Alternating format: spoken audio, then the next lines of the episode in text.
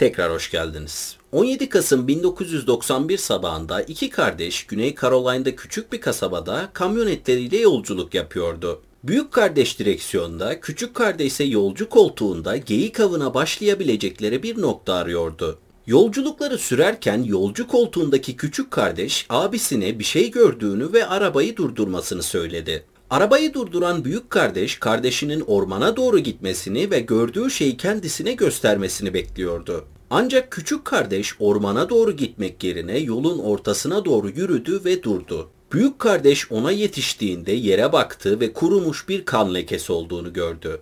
Bu iki kardeşin yolun ortasında gördükleri kurumuş kanın öncesinde ve sonrasında yaşananların hikayesi. Hazırsak hikayemize başlayalım.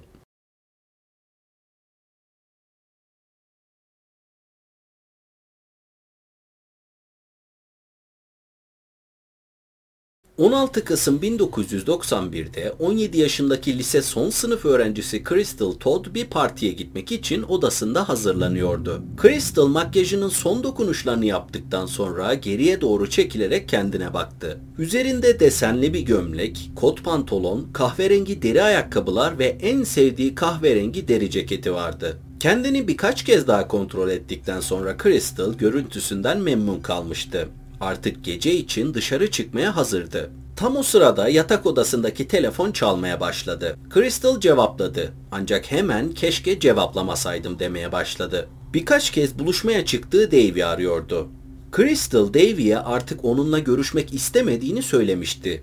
Ancak görünen o ki Davy bu mesajı almamıştı. Davy Crystal'a o gece buluşup bir şeyler yapmak isteyip istemediğini sormuştu. Ancak Crystal zaten planları olduğunu söyleyerek bunu reddetti. Davy ne zaman buluşabileceklerini sordu. Crystal'a ailesi tarafından her zaman nazik olmak öğretilmişti. Bu yüzden derin bir nefes aldı ve tatlı bir ses tonuyla Davy'ye kendisiyle görüşmeyeceğini ancak hala arkadaş kalabileceklerini söyledi. Ardından Crystal telefonu kapattı, çantasını aldı ve oturma odasına doğru yürüdü. Annesi koltukta oturuyordu. Crystal annesine dışarı çıktığını söyledi ve ona sarıldı. Annesi gece yarısından önce eve gelmesini hatırlattı ve Crystal gülümseyip başını salladı. Crystal neredeyse hiçbir zaman eve geç kalmamıştı. Hatta birkaç dakika geç kalacak bile olsa her zaman önceden arayıp annesine haber verirdi. Evden çıkan Crystal avlunun karşısına park ettiği arabasına doğru yürüdü. Sürücü koltuğuna oturdu ve arabayı çalıştırdı. Crystal bu arabayı çok seviyordu. Annesinden kendisine erken mezuniyet hediyesiydi. Partinin yapılacağı eve doğru sürerken çevresini saran ormanlara baktı ve nihayet doğup büyüdüğü bu kasabadan ayrıldığında hayatının nasıl olacağını düşündü. Crystal annesini ve arkadaşlarını çok seviyordu. Ancak yeni arabasıyla kasabayı terk edip bir üniversiteye başlama hayalinden de vazgeçemiyordu. Nihayet kasabanın merkezine ulaşmıştı bir alışveriş merkezinin ve birkaç fast food dükkanının önünden geçti. Ardından bir yan yola döndü ve birkaç kilometre boyunca bu yolu takip ederek partinin yapılacağı eve geldi. Crystal eve adım attığında ev dolmuştu ve son sesle müzik çalıyordu. Arkadaşlarından birisi hemen yanına gelip Davy ile buluşup buluşmayacağını sordu. Crystal kaşlarını çattı ve hayır dedi. Hatta başka biriyle görüşeceğini söyledi. Arkadaşı kim olduğunu söylemesi konusunda ne kadar ısrar ederse etsin, Crystal bu kişinin kim olduğunu söylemedi. Konuşmaları bittikten sonra Crystal bir bira aldı ve oturma odasına doğru yürüdü. Crystal oldukça kısa boyluydu. 1.60 boyundaydı. Bu yüzden odada bulunan kalabalığın üzerinden bakabilmek için parmak uçlarına kalkıp bakmak zorundaydı. Ancak ne kadar bakarsa baksın umduğu kişiyi göremiyordu. Birkaç saat boyunca Crystal köşede bir koltukta oturdu, birasını içti ve sık sık gözleriyle odayı taradı. Odadaki insanlara baktıkça ve mutlu çiftlerin dans edip birbirleriyle konuştuğunu fark ettikçe daha yalnız hissetmeye başlamıştı. Yalnızlık hissi arttıkça en azından en iyi arkadaşı olan Ken'in orada olmasını diledi. Ken ve Crystal çocukluktan beri arkadaştılar ve ikili ne zaman vakit geçirse Crystal asla sıkılmazdı. Ancak Ken bir yıl önce mezun olmuştu ve artık lise partilerinde pek görünmüyordu. Saat 11'e geldiğinde beklediği kişi hala partiye gelmemişti. Crystal ayağa kalktı, arkadaşlarıyla vedalaşmak için evin odalarını dolaştı ve dışarı çıktı. Arabasına binip çalıştırdıktan sonra kasabanın merkezine doğru yola çıktı. Karanlık yollardan ilerleyerek alışveriş merkezinin aydınlatılmış otoparkını geçti ve göstergedeki saate baktı. Saat 11'i 15 geçiyordu. Yani eve dönmesi için hala bir saatten fazla zamanı vardı. Crystal bu özgür zamanını evde geçirmek istemiyordu. En azından bir fast food atıştırıp eve öyle gitmek istedi. En yakın fast food restoranının bulunduğu yere doğru yöneldi ve kırmızı ışıkta durdu. Hali hazırda çalan müziğin sesini açtı ve yüksek sesle şarkı söylemeye başladı. Tam bu sırada müziğin arasından bir korna sesi duydu. Işığın yeşil yanmış olabileceğini ve kendisinin kaçırmış olabileceğini düşünerek kafasını kaldırıp ışığa baktı. Işık hala kırmızı yanıyordu. Korna sesini tekrar duydu ve kafasını çevirdiğinde korna çalan arabanın hemen yanında olduğunu gördü. Crystal açık olan yolcu camından yan tarafa baktığında suratını bir gülümseme kaplamıştı. Crystal'a bakan sürücü biraz zaman geçirmek isteyip istemediğini sordu. Crystal ise istediği cevabını verdi. Hala eve dönmek için bir saatten biraz fazla zamanı vardı. Crystal ileride bir okulun otoparkında arabasını durdurdu ve arabasının anahtarını alıp cüzdanını arabasında bırakıp diğer arabaya geçti. 17 Kasım gece saat 1'de yani Crystal'ın partiden ayrılmasından yaklaşık 2 saat sonra Crystal'ın partide olmasını umduğu arkadaşı Ken Register yatmaya hazırlanıyordu. Ken tüm hafta boyunca inşaat işinde çalışmış ve geceyi kız arkadaşıyla go-kart pistinde geçirmişti. Yorgundu ve sabah erkenden kiliseye gitmesi gerekiyordu. Ancak yatağa uzanmadan önce telefonu çaldı. Arayanın kız arkadaşı olduğunu düşünerek telefonu aldı. Ancak arayan kız arkadaşı değildi. Arayan Crystal'ın annesiydi ve telaş içindeydi. Crystal hala eve dönmemiş, ayrıca geç kalacağını da söylememişti. Bu yüzden Crystal'ı görüp görmediğini sormak için arıyordu. Ken Crystal'ın annesine gece kendisiyle birlikte olmadığını ve nerede olduğunu da bilmediğini söyledi. Arkadaşlarıyla takıldığını ve eve dönmesi gereken zamanı unutmuş olabileceğini, bu yüzden yakında eve döneceğini söyleyerek onu sakinleştirmeye çalıştı. Ancak söyledikleri Crystal'ın annesini yatıştırmamıştı. Ken küçüklükten beri Crystal'ın annesini tanıyordu ve şu anki sesinden bir kriz geçirdiğini anlayabiliyordu. Bu yüzden biraz daha yatıştırmak adına yakındaki hastaneleri kontrol edip kendisine geri döneceğini söyledi. Annesi Ken'e teşekkür ettikten sonra telefonu kapadı. Ken, Crystal'ın annesiyle telefon görüşmesini sonlandırdıktan sonra yakındaki iki hastaneyi de aradı. Ancak telefonu yanıtlayan görevli günün veya gecenin hiçbir saatinde Crystal adında bir hasta girişine rastlayamadı. Ken Crystal'ın annesini tekrar aradı ve kötü haberi verdi. Ancak yine de Crystal'ın iyi olduğunu, muhtemelen saatine bakmadığını veya uzakta yaşayan birini bırakmak için geç kaldığını söyledi. Ken Crystal'ın annesi için çok üzgündü.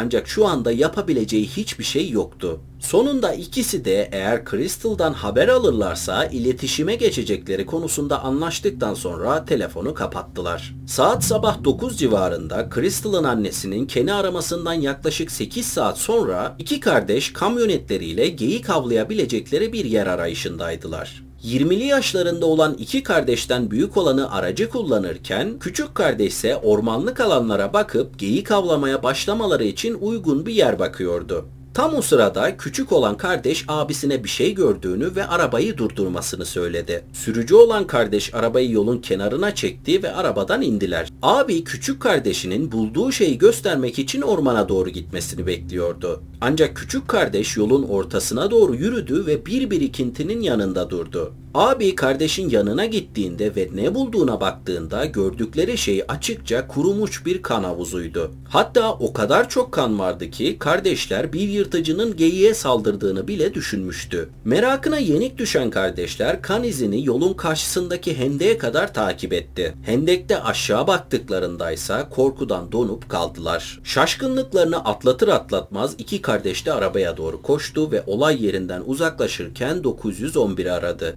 Saat 10 civarında yani kardeşlerin 911 aramasından bir saat sonra dedektif Bill Conway'deki ormanlık alanda aracını yol kenarına park etti ve diğer polis memurlarına baktı. Kardeşlerin korkunç keşiflerini yaptıkları hendek yakınında toplanmışlardı. Dedektif arabasından indi. Arabasından iner inmez polis memurlarından biri onu fark etti ve onu hendek tarafına doğru eliyle çağırdı. Dedektif kurumuş kan izlerini takip etti ve kendisini çağıran memurun yanına geldi. Bir cinayeti araştırmaya geldiğini biliyordu. Ancak bu kadar vahşi bir olayla karşılaşacağını beklemiyordu. Kurban çok sayıda bıçak darbesi almıştı. Saldırganın olay sırasında öfke dolu olduğu çok açıktı. Dedektif olay yerinde bulunan diğer memurlara kurban hakkında herhangi bir detayları olup olmadığını sordu. Ancak kurbanın kimliğini tespit etmelerine yardımcı olabilecek herhangi bir kimlik bulunmadığı cevabını aldı. Bu yüzden dedektif aşağıya inip kurbanı incelemeye başladı. Kurbanın sağ elinde altın bir yüzük olduğunu gördü. Memurlardan birine yüzüğü çıkarmasını söyledi. Memurlardan biri eldiven giyip yüzüğü çıkardıktan sonra dedektif daha iyi bir şekilde görebilsin diye yüzüğü tuttu. Güneş ışığında yüzüğün iç tarafındaki yazıyı net bir şekilde okuyabilmişlerdi. Yüzükte Crystal Todd yazıyordu. Dedektif hendekten çıkıp arabasına doğru yürüdü. Olay yerinden ayrıldıktan kısa bir süre sonra dedektif Crystal'ın evinin önünde durdu ve Crystal'ın annesini ahşap verandada bir o yana bir bu yana yürürken ve ard arda sigara içerken gördü. Dedektif yaptığı işin en nefret ettiği kısımlarından birini yapmak üzereydi. Derin bir nefes aldı, arabasından çıktı ve annenin yanına doğru yaklaştı. Crystal'ın annesi dedektifi görünce iyi bir haber alacağını düşünerek gülümsemeye başladı. Ancak dedektif kendisine yaklaştığında ellerini omzuna koydu ve yüzüne üzücü bir ifade takındı. Crystal'ın annesi haberlerin kötü olduğunu o an anlamıştı. Kızının ölüm haberini verdikten sonra yardımcı olabilecek herhangi bir şey hatırlayıp hatırlamadığını sordu. Crystal'ın annesi neredeyse düşünemez bir hale gelmişti. Ağlıyordu ve elleri titriyordu. Sigarasından uzun bir nefes çekti ve zihnini boşaltmaya çalıştı. Ardından kızının geceyi geçirdiği bir partiye gittiğini ve ondan sonra kendisinden haber alamadığını söyledi. Dedektif tekrardan çok üzgün olduğunu söyledi ve arkasını dönüp arabasına doğru yürümeye başladı. Crystal'ın annesi dedektifi evden uzaklaşırken izledi. Dedektifin gittiğinden emin olduktan sonra içeriye girdi ve koltuğa oturup hıçkırarak ağlamaya başladı. Biraz sakinleştikten sonra Ken'i aradı. Ken haberleri aldıktan sonra yıkılmıştı. Sesi titreyen Ken, Crystal'ın annesinin bu zor günü tek başına geçirmemesi için yanına geleceğini söyledi ve telefonu kapattı. Dedektif Crystal'ın evinden ayrıldıktan çok kısa bir süre sonra Crystal'ın aracının bulunduğu haberini aldı. Bir okul otoparkında bulunmuştu. Dedektif oraya geldiğinde Crystal'ın başına gelenler hakkında bir fikir edinebilecekleri konusunda umutluydu. Hala aracın içinde duran cüzdan ve kapılarda zorlama izinin olmaması Crystal'ın arabasını kendi isteğiyle oraya park ettiğini ve cinayetin yolunda gitmeyen bir hırsızlık olmadığını gösteriyordu. Pazar akşamları kasabadaki neredeyse tüm gençler alışveriş merkezi otoparkında plan yapmak için bir araya gelirdi ve bu tüm kasaba sakinleri tarafından bilinen bir şeydi. Bu yüzden dedektif alışveriş merkezine doğru sürdü. Oraya vardığında gençlerin hafta sonunun son gününü planladığı konuşmaların aksine gençlerin Crystal'ın cinayeti hakkında konuştuklarını gördü. Tam olarak tahmin ettiği gibi. Dedektif arabasını park etti, araçtan çıktı ve yakınındaki bir arabanın yanında toplanmış olan grubun yanına gitti. Kendisini tanıttıktan sonra Crystal'ı tanıyıp tanımadıklarını sordu. Hemen hemen hepsi ya çok iyi tanıdığını ya da okulda çok kısa da olsa vakit geçirdiklerini söylemişti. Ardından kimlerin gece Crystal'ın bulunduğu partide olduğunu veya gece neler olduğunu bildiğini sordu. Aralarından biri gece partide Crystal'la birlikte olduğunu ve buluşmak için birilerini beklediğini söyledi. Dedektif bu kişinin kim olduğunu sorduğunda ise aralarından hiçbiri bu sorunun cevabını bilmiyordu. Aralarından biri birilerinin Crystal'ı aramaya çıkmış olabileceğini söyledi. Bu adamın adının Davey olduğunu ve birkaç buluşmadan sonra Crystal ilişkilerini bitirdiği için Davey'in kendisine çok kızgın olduğunu söyledi. Diğer tüm çocuklar da az önce konuşan kişiyle aynı fikirdeydi. Dedektifin Davey ile kesinlikle görüşmesi gerekiyordu. Dedektif herkese dikkatli olmasını söyledikten sonra arabasına bindi ve oradan uzaklaştı. Dedektif Crystal'ın aracını kendi isteğiyle park ettiğine ve ardından başka biriyle konuşmak veya başka bir niyetle arabadan kendi isteğiyle indiğine inanıyordu. Ve cinayeti işleyen kişinin de muhtemelen diğer arabayı sürdüğünü düşünüyordu. Ayrıca Crystal'a uygulanan şiddet göz önüne alındığında dedektif muhtemel olarak ona kızgın olan bir genç erkek aradığını düşünüyordu. Crystal tarafından reddedilen bir genç olan Davy bu tanıma tam olarak uyuyordu. Bir süre sonra dedektif Davy'in yaşadığı komşu kasabanın polis karakoluna nihayet varmıştı. Oraya vardığında bir memur onu karşıladı ve Davy'in sorgulanmaya hazır olduğunu söyledi. Bu memur ayrıca Davy'yi alırken arabasının dış ve iç kısmının yeni yıkanmış olduğunu ve çocuğun bir cep bıçağı taşıdığını keşfettiklerini söyledi. Memur dedektifi karakoldaki küçük bir sorgu odasına götürdü. Dedektif bir sandalyeye oturdu ve masanın karşısındaki Davy'ye baktı. Davy 18 yaşındaydı. Uzun boylu ve korkak bir çocuktu. Karşısındaki sandalyede yerinde duramıyordu. Dedektifin Davy'ye bakarkenki ifadesi boştu düşündüklerini kendisine yansıtmak istemiyordu. Davy'e Crystal'ı öldürüp öldürmediğini sordu. Davy dedektifin yüzüne bakmadı. Ancak cinayetle herhangi bir ilgisinin olmadığını söyledi. Önceki gece Crystal'ı aramış ve dışarı çıkmak isteyip istemediğini sormuştu. Ancak Crystal tarafından reddedilince o da arkadaşlarıyla birlikte dışarı çıkmıştı. Dedektif bu cevaba pek inanmasa da Davy'yi zorlamaya devam etti. Davy'e pazar akşamları arabasını yıkamak gibi bir huyunun olup olmadığını sordu. Davy soruşturma boyunca ilk kez gülümsüyor ve ilk kez dedektifin gözlerine bakıyordu arabasını temiz tutmanın kendisi için çok önemli olduğunu söylüyordu. Dedektif arabasını cinayetin işlendiği gün yıkamasının çok şüpheli olduğunun farkındaydı. Ama bir yandan da yeni araba sahibi olan gençlerin arabasına fazlasıyla düşkün olduğunu ve temiz tutmak için çok çaba harcadığını da biliyordu. Ayrıca bir bıçak taşıması da suç değildi. Bu çok yaygın bir şeydi. Davy'e şehirden ayrılmamasını ve ekstra bir bilgiye ihtiyaç duyarlarsa kendisiyle görüşeceklerini söyledikten sonra sorgu odasını terk etti. Crystal'ın cesedinin bulunmasının üzerinden 12 saat geçmişti. Ancak dedektif zamanının tükendiğini hissediyordu. Conway gibi küçük bir kasabada popüler bir lise öğrencisinin cinayeti panik yaratabilirdi. Bu yüzden olayı mümkün olan en kısa sürede kapatmak ve herkese ailelerinin güvende olduğunun mesajını vermek istiyordu. Ancak ilerleyen birkaç gün boyunca dedektif Davy'in tüm arkadaşlarını sorguladı ve hepsi Davy'in hikayesini doğruladı olayı hızlıca kapatma şansının kaybolduğunu hissetmeye başlamıştı. Bir hafta boyunca soruşturmada herhangi bir yeni ipucu bulunamadı. Şimdi dedektif kilise mezarlığında kalabalık bir insan grubunun önünde duruyordu. Binin üzerinde kişi Crystal'ın cenazesine katılmak için oradaydı. Dedektif ve ekibi de herhangi bir ipucu sunabilecek birilerini görme umuduyla gelmişlerdi. Ancak Crystal'ın arkadaşlarını ve ailesini tabutunun yanından son kez geçerken gördüğü tek şey Crystal'ı tanıyan bir kasaba ve acı çeken insanlardı. Crystal'ın ölümü herkesi etkilemişti. Cinayet çözülse bile etkisi onlarca yıl devam edecekmiş gibi gözüküyordu. Dedektif cenazeden ayrıldığında yeni bir bilgi edinememişti. Üstelik işi çok zor gibi gözüküyordu.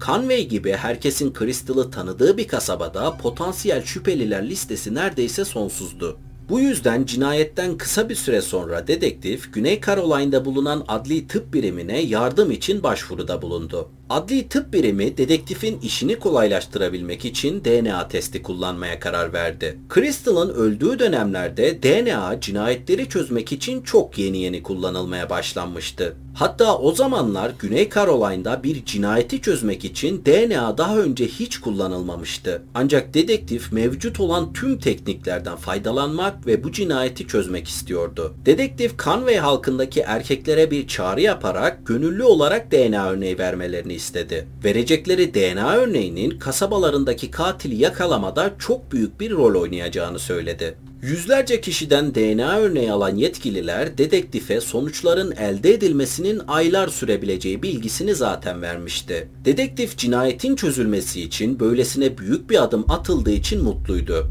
Ancak test sonuçlarını beklerken aylarca hiçbir şey yapmadan zaman geçiremezdi. Sonuçları beklerken kurbanın hayatına daha fazla odaklandı ve 1992 yılının Ocak ayında yani Crystal'ın cenazesinden yaklaşık iki buçuk ay sonra davada kırılma noktası olduğunu düşündüğü bir şey buldu. Soğuk bir Ocak gecesinde dedektif karakoldaki masasında oturmuş Crystal'ın okuldaki dolabından alınan not defterlerinden birini okuyordu. Not defterlerini kurcalayan dedektifin dikkatini bir şey çekti. Crystal'ın hoşlandığı bir erkek olan Andy'nin adı çiçekli bir el yazısıyla yazılmıştı. Dedektif birkaç sayfaya daha göz attı ve Andy'nin adını aynı şekilde yazılmış olarak gördü. Dedektifin Crystal'ın arkadaşlarıyla yaptığı görüşmeler sırasında Andy adı bir kez olsun geçmemişti. Ancak şimdi yavaş yavaş dedektif Andy'nin Crystal'ın partide görmeyi umduğu kişi olduğunu düşünmeye başlamıştı. Bu nedenle dedektif takip eden hafta boyunca Andy'nin geçmişini araştırmaya başladı.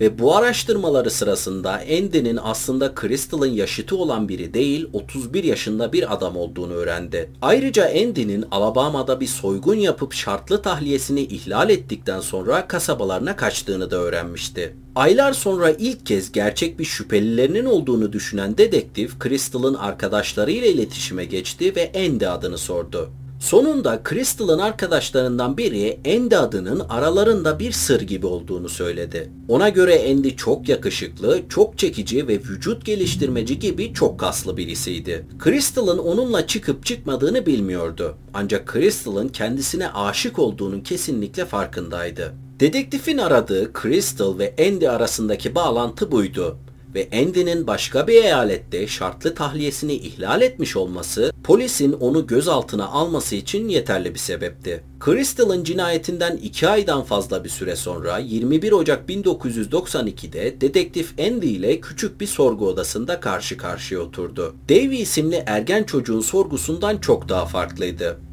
Andy çok sakin bir insandı ve ne yaptığı hakkında bilgi sahibiydi. Dedektif karşısındaki Andy'ye bakarak ona Crystal'ı öldürüp öldürmediğini sordu. Andy sadece bir kez görüştüklerini ve onu cinayetten önce hiç görmediğini söyledi. Dedektif genellikle sakinliğini koruyan biriydi ancak giderek sinirlenmeye başlamıştı. Derin bir nefes aldı ve Andy'ye neden 31 yaşındaki bir adamın lise kızlarıyla takıldığını sordu. Andy yalnızca kasabada aynı etkinliklere katılan bazı liseli kızlarla konuştuğunu ancak aralarında herhangi bir şey geçmediğini söyledi. Dedektif Andy'nin suçlu olup olmadığından emin değildi.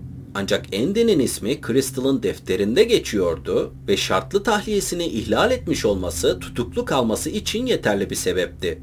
Dedektif sandalyesinde öne doğru eğildi ve Andy'ye DNA örneğini gönüllü olarak verip vermeyeceğini sordu. Andy tüm sorgu boyunca olduğu gibi sakin bir sesle bunu seve seve yapacağını söyledi. Andy'nin DNA örnekleri de yetkililerin kasabadan topladığı yüzlerce örneğe eklendi ve 1992'nin başlarında Crystal'ın cinayetinden neredeyse 3 ay sonra sonunda DNA testinin sonuçları gelmişti. Dedektifin teorisi katilin Crystal'ı kendisine bir şeyler yapmakla suçlayan bir adam olduğuydu ve gelen DNA testi sonuçları da bu teorisini doğrulayacaktı. Dedektifin soruşturma boyunca girdiği sorgular, olay yerinde bulunan kanıtlar ve DNA örneklerine göre Crystal'ın başına gelenler şu şekilde. 16 Kasım 1991 günü saat akşam 11.15 civarında Crystal'ın katili Conway kasabasının ortasından geçen ağaçlarla kaplı yolda seyahat ediyordu. Alışveriş merkezinin yanından geçti ve etrafta birilerinin olup olmadığını görmek için pencereden baktı. Alışveriş merkezinin otoparkı boştu. Bu yüzden yolculuğuna devam etti. Zaman geçiyordu ve katil vakit geçirebileceği bir kız bulmak istiyordu. Önünde ilerleyen aracın kırmızı ışıkta durduğunu gördü. Dikkatli baktıktan sonra önündeki aracın özel plakasını fark etti ve gülmeye başladı.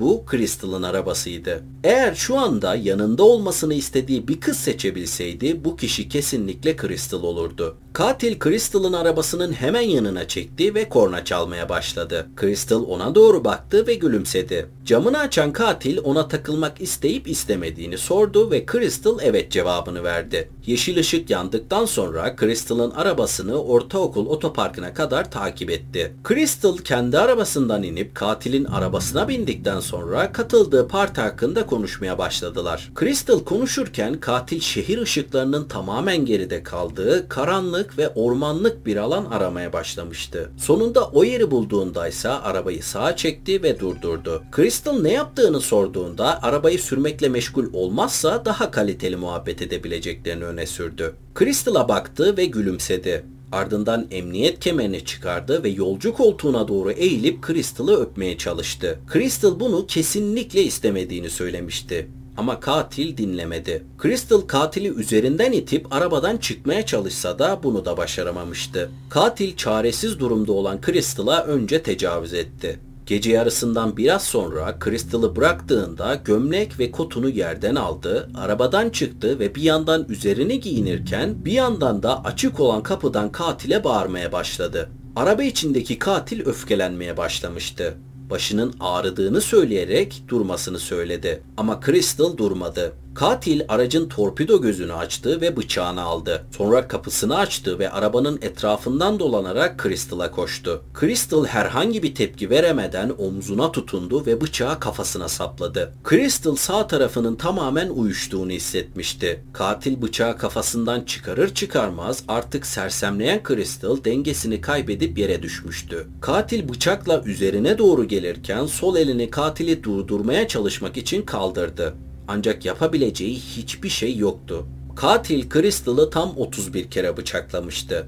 Bazı bıçak yaraları Crystal'ın öldüğü bariz bir şekilde belli olmasına rağmen sadece katilin öfkesini dindirmesi için yapılmıştı. Sonunda katil durdu, yaptıklarına baktı ve bir paniğe kapıldı. Yol karanlıktı ancak ay ışığından yolun karşı tarafında bir hendek olduğunu görebiliyordu. Crystal'ı kollarının altından tuttu, sürükledi ve yolun karşısındaki hendeğin içine attı.